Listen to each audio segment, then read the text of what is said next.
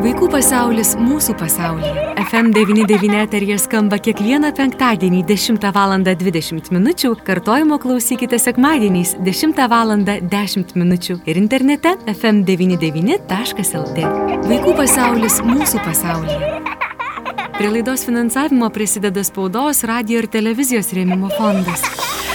Labadiena, brangus FM99 klausytojai, studijoje prie mikrofono Eglė Malinauskenė. Pats metas atkeliavo laidai Vaikų pasaulis mūsų pasaulyje. Na ir šiandien mes pasikalbėkime apie tai, kad spalio pabaiga yra tas metas, kai minime pasaulinę mikčiojimo supratimo dieną. Ir atrodytų, kiek daug įvairių, o gal ir mitų yra tekę girdėti. Štai ir šiandien keliaudama į radio studiją kalbėjau su vairuotoju, sako, hm, taigi mikčiojimas, taigi kiek žinau, atsiranda, jeigu vaikas iš išsigasta. Tai ar iš tiesų taip? Iš kur atsiranda šis kalbėjimo, gal trūkumas, gal problema, kodėl jie atsiranda, ką galima būtų daryti, ar reikalinga pagalba, galbūt tai yra išaugama, ar gali atsirasti apsunkintas kalbėjimas, pavyzdžiui, suaugusiam žmogui, ar tai yra tik vaikystės reikalas. Nedaug tų klausimų yra ir visus juos mėginsime aptarti. Ir aš laba diena sakau Vilmai Makauskiniai. Vilma, laba diena. Labą dieną. Vilma Makauskiniai yra mokslo daktarė Vytauto didžiojo universiteto dėstytoja ir logopedija logopedinės pagalbos centro direktorė. Tai labai malonu Vilma jūs matyti ir girdėti. Berots prieš metus bendravome paskutinį kartą, ar ne?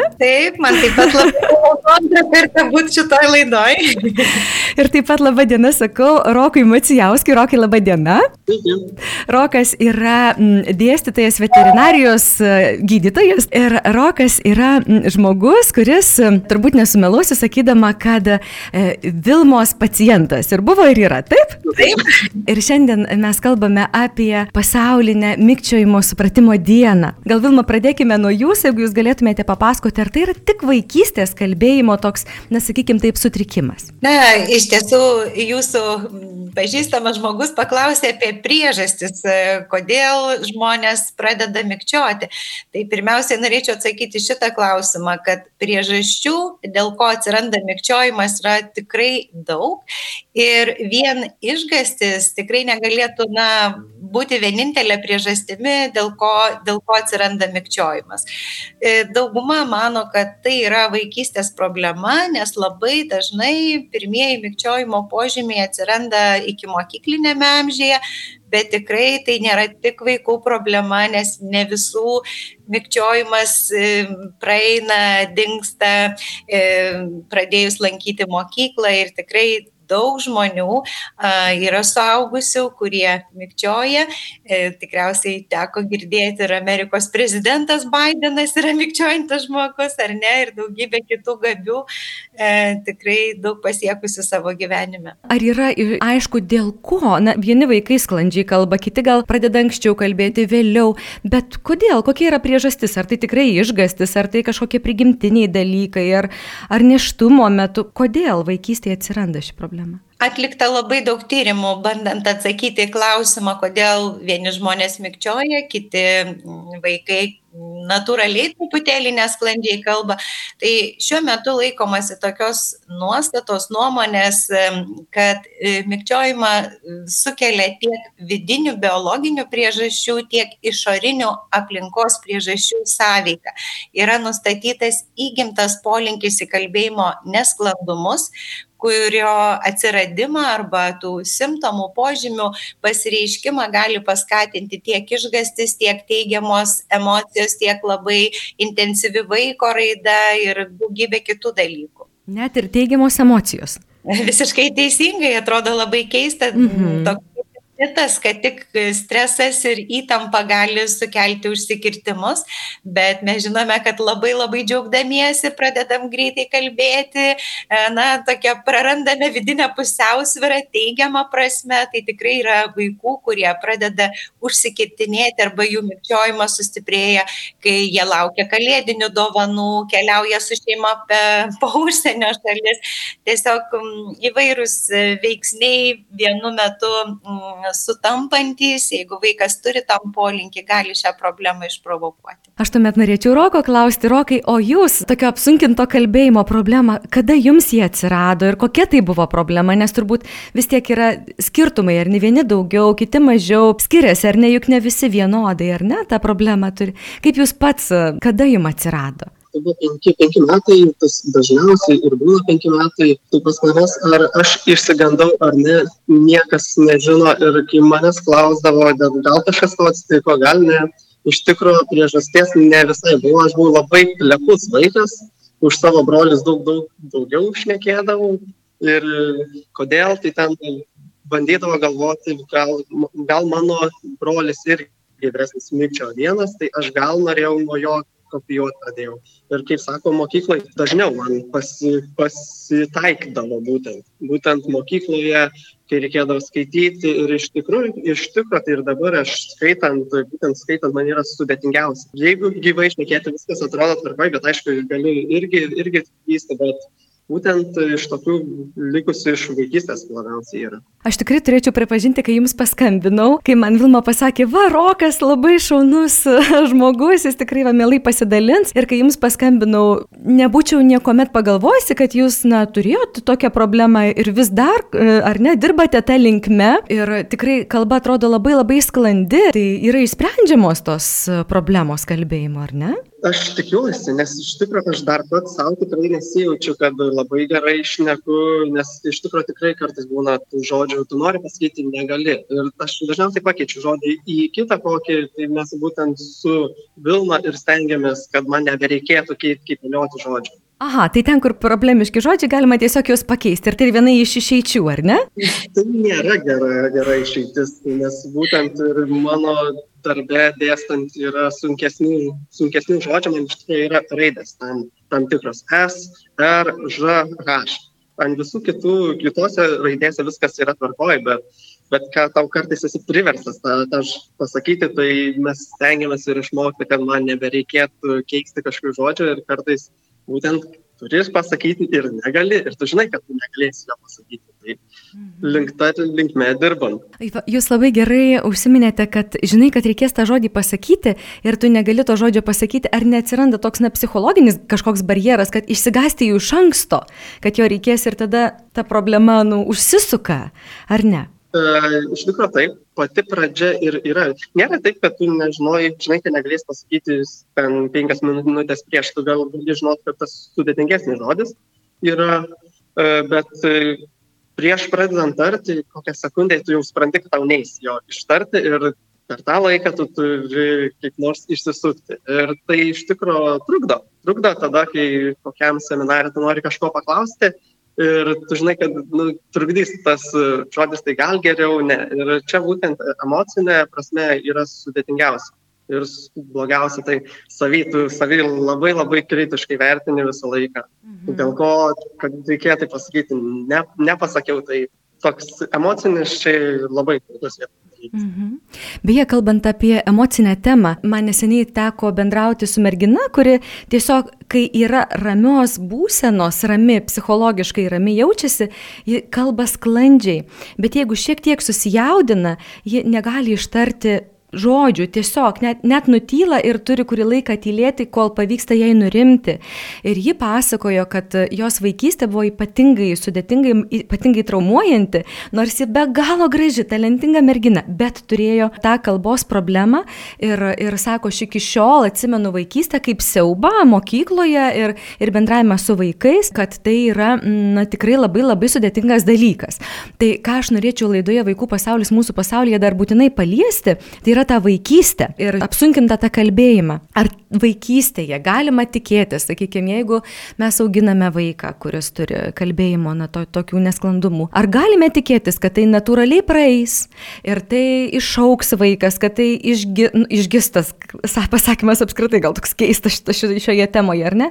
Vilma, gal jūsų klausiu, ar tai yra praeina, ar vis dėlto, jeigu tokia bėdelė yra, tai reikia imtis, nelaukti ir spręsti, ieškoti išeičių na iš tiesų kai atsiranda užsikirtimai vaiko kalboje ir ypatingai jeigu jie staiga atsiranda ir stiprūs e, tai sukelia daug emocijų ir tėvams tėvai pergyvena dėl pasikeitusios vaiko kalbos, kartais e, ieško tų įvykių, kurie galėjo juos sukelti ir neranda ir tada galvoja, kad na, gal mes kažką e, netai padarėme. Tai vad, pratesiant roko mintį apie tą emocinį mikčiojimo poveikį, tikrai manau svarbu pasakyti, kad tiek tėvams, tiek vaikui užsikirtimai kelia daug, daug išgyvenimų, daug neigiamų emocijų, ne tik suaugus, bet ir vaikystėje ir apie e, tą pasveikimą arba kad baigsis problema tikrai irgi yra nemažai tokių įsitikinimų, e, kad tevams reikia pasakyti nesirūpinkit, palaukit, palaukit, vaikams tai būna, jisai išauks. Tikrai statistika yra gera, nes 75 maždaug procentai iki mokyklinio amžiaus vaikų šitą problemą augdami įveikia, bet niekas iki šiol visame pasaulyje negali tiksliai identifikuoti, kuriam vaikui problema praeis ir į kurią nereikėtų kreipti dėmesį ir reaguoti, o kuris vaikas turi ilgalaikio mikčiojimo riziką. Todėl atsakydama jūsų klausimą, Eglė, tikrai galiu pasakyti, kad tėvai turėtų kreiptis pagalbos, kad juos nuramintų, jiems pasakytų, kaip jie gali elgtis, ar turėtų bendrauti su vaiku namuose, kad skatintų sklandų kalbėjimą, sumažintų tą neigiamų emocijų poveikį, na ir tiesiog užkirstų riziką tolimesniai problemai, kuri gali tęstis ir nepraeiti vaikystėje. Mhm. Na, aš labai tuomet dar noriu staptelti ties tuo, kad e, tėvai irgi labai gali didelį indėlį padaryti, ar ne? Nes jeigu tai kelia stresą ne tik vaikams, o, tėva, o tėvai tai dėl savo vaikų kaip jaudinasi, ar ne? Nežinau, ar nebūna tokių atvejų, kai atsiranda, žinot, kai vaikas mėgina pasakyti, taigi sakyk, sakyk, taigi va, va, sakyk, suprantat, kaip vis dėlto reikėtų norint padėti e, bendrauti su vaiku.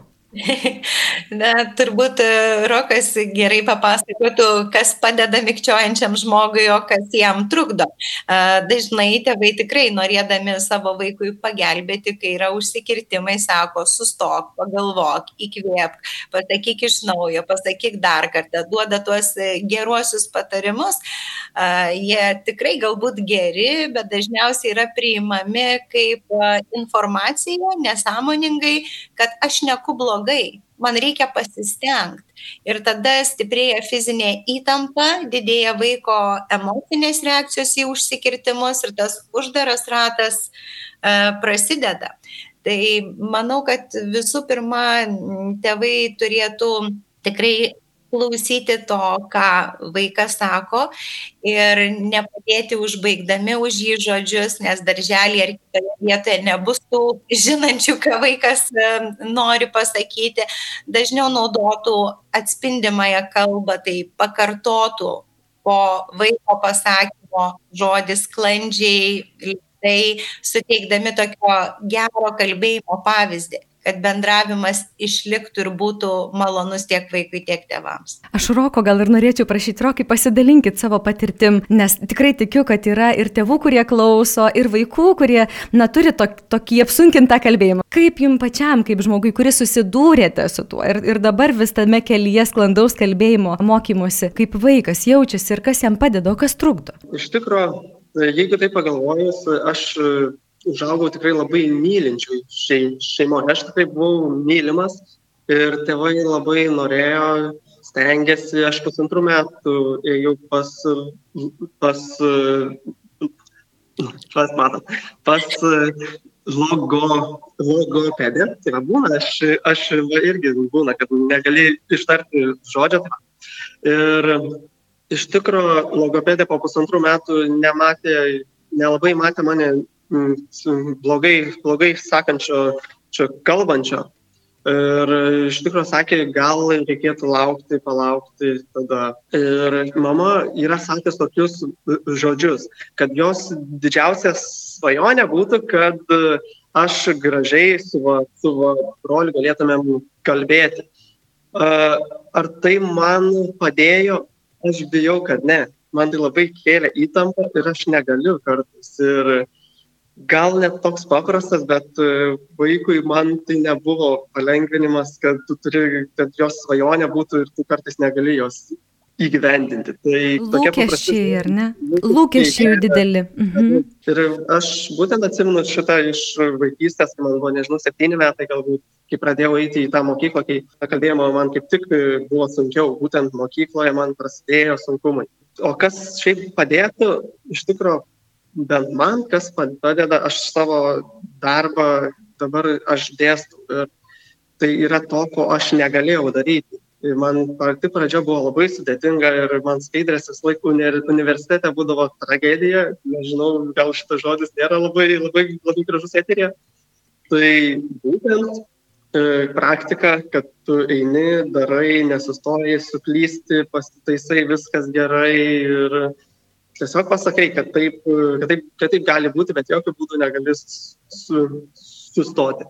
Ačiū už pasidalinimą. Vilma, noriu klausti jūsų, ar mikčiojimas yra, sakykime, tik žodžių neištarimas, kaip taip įprastai, kaip mes esame įpratę, ar ir min, minčių strigimas, sakykime, žinot, būna, kad sakinys nesusidėlioja, stringa sakinys, ar tai irgi yra tai? Na, mintis tikrai nestringa, bet aš norėčiau truputį e, galbūt plačiau pasakyti apie tai, kadangi šiandien yra, to jaus bus, e, mikčiojimo supratimo diena, kad mes geriau suprastumėm, apie kokią problemą kalbam. Dauguma žmonių supranta, kad mikčiojimas yra tie žodžių tarimo užsikirtimai, kažkokie nesklandumai, kurie atsiranda kalbant. Iš tikrųjų, labai dažnai dažnai literatūroje naudojama tokia lietkalnio analogija, kad užsikirtimai yra tik mažytė lietkalnio dalis virš vandens, o tai, ką mikčiojantis žmogus jaučia prieš kalbėdamas, arba po užsikirtimo. Jo požiūris į save, į bendravimą, į pašnekovus yra ta didžioji lietkalnio dalis, kuri nematoma. Ir tikrai kartais būna, kad užsikirtimų yra labai labai nedaug kalboje ir atrodo žmogus visiškai sklandžiai šneka, ten truputį pakartoja vieną kitą garsą ar skiemenį, bet vidinis e, iš ankstinis nerimas, kaip man seksis kalbėti, eilinėje kasdieninėje gyvenimo situacijoje arba tas stiprus nusivylimas, kai nepavyksta kažko pasakyti auditorijoje, draugams, šeimai ar pašnekovai nepažįstami žiūri nustebę, sukelia labai mm, tikrai stiprų stiprų nusivylimą ir iš ankstinę baimę, ne, tokią neigiamą patirtį, e, kuri atsiliepia ateityje ir tada žmogus gali tikrai nesistengti, kaip rokas kovoti su tomis sudėtingomis situacijomis, bet tiesiog pasiduoti ir neatskleisti savo potencialo, savo galimybių. Tai tas yra labai svarbu, ar ne psichologinis momentas, ar ne, kad tai netaptų kliūtim ateičiai, ar ne, siekti savų tikslų. Ir, ir na, Rokas tikrai labai geras pavyzdys, aš Rokui esu be galo dėkinga, kad šiandien dalyjatės, Rokai ir pats dėstytojas, ir pats e, veterinarijos gydytojas, ir, ir, ir tai tikrai ne, niekaip ne, nesutrukdė, ar ne, siekti savų tikslų ir, ir dar siekėte jų. Vilma, dar, dar į pabaigą pokalbio, ar yra didelė problema Lietuvoje, ar daug žmonių, kurie turi mikčiojimo bėdas? Statistika visame pasaulyje yra tokia pati, nepriklausomai nuo kalbos, šalies ekonominio lygio ir kitų e, rodiklių. Iš tikrųjų, saugusių žmonių yra vienas procentas, kurie mikčioja, vyrų daugiau nei moterų. Ir vaikų e, amžiuje, iki mokyklinėme amžiuje yra maždaug apie 5 procentai. Tai visame pasaulyje ir Lietuvoje duomenys labai panašus. Mhm. Na ir mūsų pokalbį jau visai visai atbėgus į pabaigą. Aš labai noriu prašyti jūsų pasidalinti savo mintimis tokiamis svarbiausiamis, būtent čia tema su mūsų klausytojais ir su tais, kurie turi šią bėdą ir galbūt stringa tame ne tik kalbėjime, bet ir toje apskritai situacijoje ir, ir jau kerta savo kelius ar ne. Ir ypatingai kalbu apie vaikus, nes jie dar tik eina į pasaulį, dar jų tik laukia tie siekiai ir, ir visa ateitis. Tiesiog norėčiau norėčiau galbūt e, padrasinti ir šeimas, ir vaikus, ir taip pat suaugusius, e, kurie susiduria su e, sklandaus kalbėjimo sutrikimais nelikti vieniems. Savipagalba yra labai geras, efektyvus būdas kalbėtis, spręsti problemas kartu ir taip pat kreiptis į specialistus, kurie domisi šią problemą ir gali padėti. Galbūt Rokas dar kažką. Iš tikrųjų, ką aš, ką aš norėčiau pasakyti, aš šitą dalyką, ėjimą, ieškoti pagalbos, žinojau, kad aš eisiu, bet aš atidėliojau, nežinau, penkis metus, bet tai būdavo, kad kas mėnesį pagalvoju, kad reikia paskambinti, reikia spręsti, žinau, kad eisiu, bet labai sunku per, per save per, perlipti. Tai norėčiau paskatinti, kad Jeigu yra, jūs galite padaryti, kad netgi geriau būtų. Jeigu turit kažkokį kalbėjimo e, defektą, pavadinkim dabar taip, e, tai galbūt įmanoma paversti pliusu. Nereikia persilaužti, niekada jo neįs padaryti, kad jis yra e, gerai, tas melas, kad neįs, neįs padaryti taip, kad jo visai galbūt nebūtų, bet tai galima paversti pliusu tam tikrų surasti pliusų tame ir nebandyti savęs ten skriausti. Aš šiandien nuoširdžiausiai dėkoju Jums už pokalbį, palinkėsiu Jums labai gražios dienos, gražaus savaitgalio ir tikrai labai labai ačiū už Jūsų laiką. Linkiu tas problemas spręsti, jas išspręsti ir neužkirsti kelių. Ir Jums, ir visiems tiems, kurie šiuo metu mūsų klauso. Labai labai Jums ačiū. Ačiū Jums, Eglė. Kalbėjome su mokslo daktarė VDU dėstytoja logopedinės pagalbos centro direktorė Vilma Makauskienė ir dėstytoju veterinarijos daktaru Roku Macijausku. Vaikų pasaulis mūsų pasaulyje. Laida iš dalies finansuojama spaudos, radio ir televizijos rėmimo fondo.